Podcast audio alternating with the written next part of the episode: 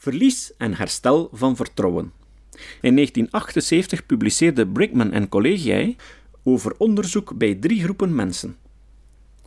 Mensen die de loterij hadden gewonnen, mensen die verlamd waren na een ongeval en mensen die niets bijzonders was overkomen.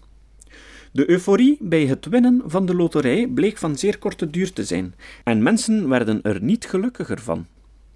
Dit is nog eens een argument dat belonen met geld mensen niet gelukkiger of meer tevreden maakt. Zie ook interne competitie en pay for performance.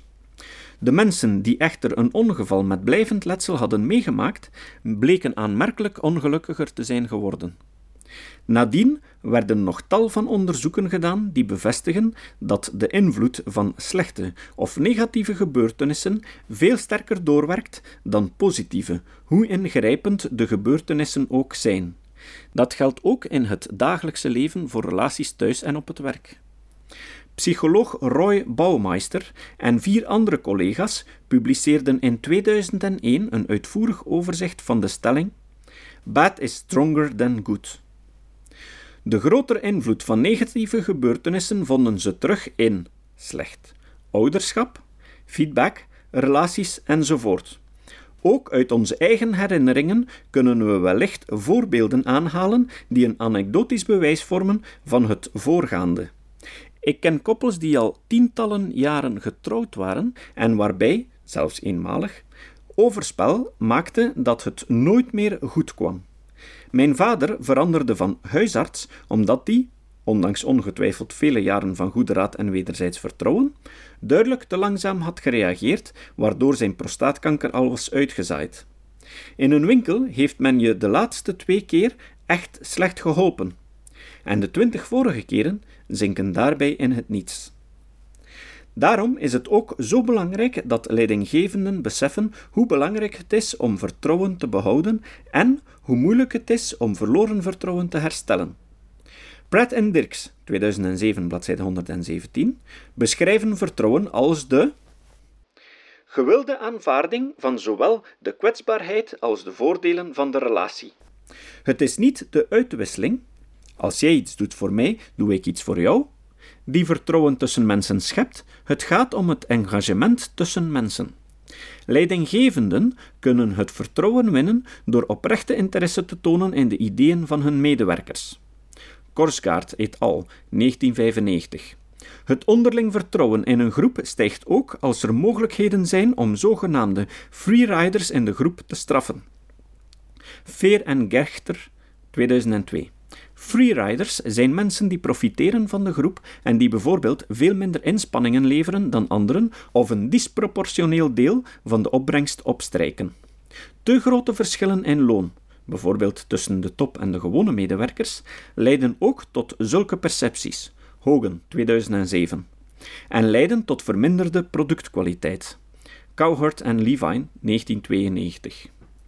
Als medewerkers de leidinggevenden van het bedrijf vertrouwen, kan er effectiever worden geleid.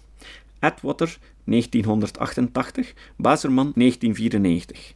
En worden onderhandeld. Valley, Moag en Bazerman 1998. Als je echter als topleidinggevende het vertrouwen verliest, zou de totale organisatie hier wel eens kunnen onderlijden. Als er wantrouwen heerst, komt de negatieve geruchtenmolen stevig op gang. Di Fonso 2007. Het verlies aan vertrouwen ontstaat meestal als iemand onbetrouwbaar is gebleken. Bijvoorbeeld de manager die voor zijn teamleden had achtergehouden dat hij het budget voor salarisverhoging voor zichzelf had gehouden. Onderzoekers deden een reeks experimenten om na te gaan wat nodig is om vertrouwen te herstellen. Excuses, beloftes en een reeks betrouwbare acties kunnen het vertrouwen stilaan herstellen maar dit alleen maar wanneer er geen sprake is van bewust bedrog. In dat geval helpen geen van de drie en is er blijkbaar blijvende schade berokkend. Ook wanneer het vertrouwen opnieuw wordt geschaad door hetzelfde onbetrouwbare gedrag, herstelt het nooit meer volledig. Als beloftes om het nooit meer te doen worden verbroken, tenslotte herstelt het vertrouwen evenmin. Schweitzer et al. 2006. De onderzoekers concluderen dat zowel woorden als daden van belang zijn.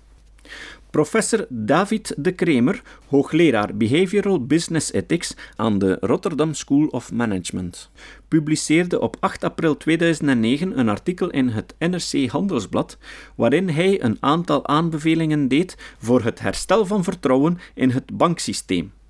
Letterlijk citaat. 1.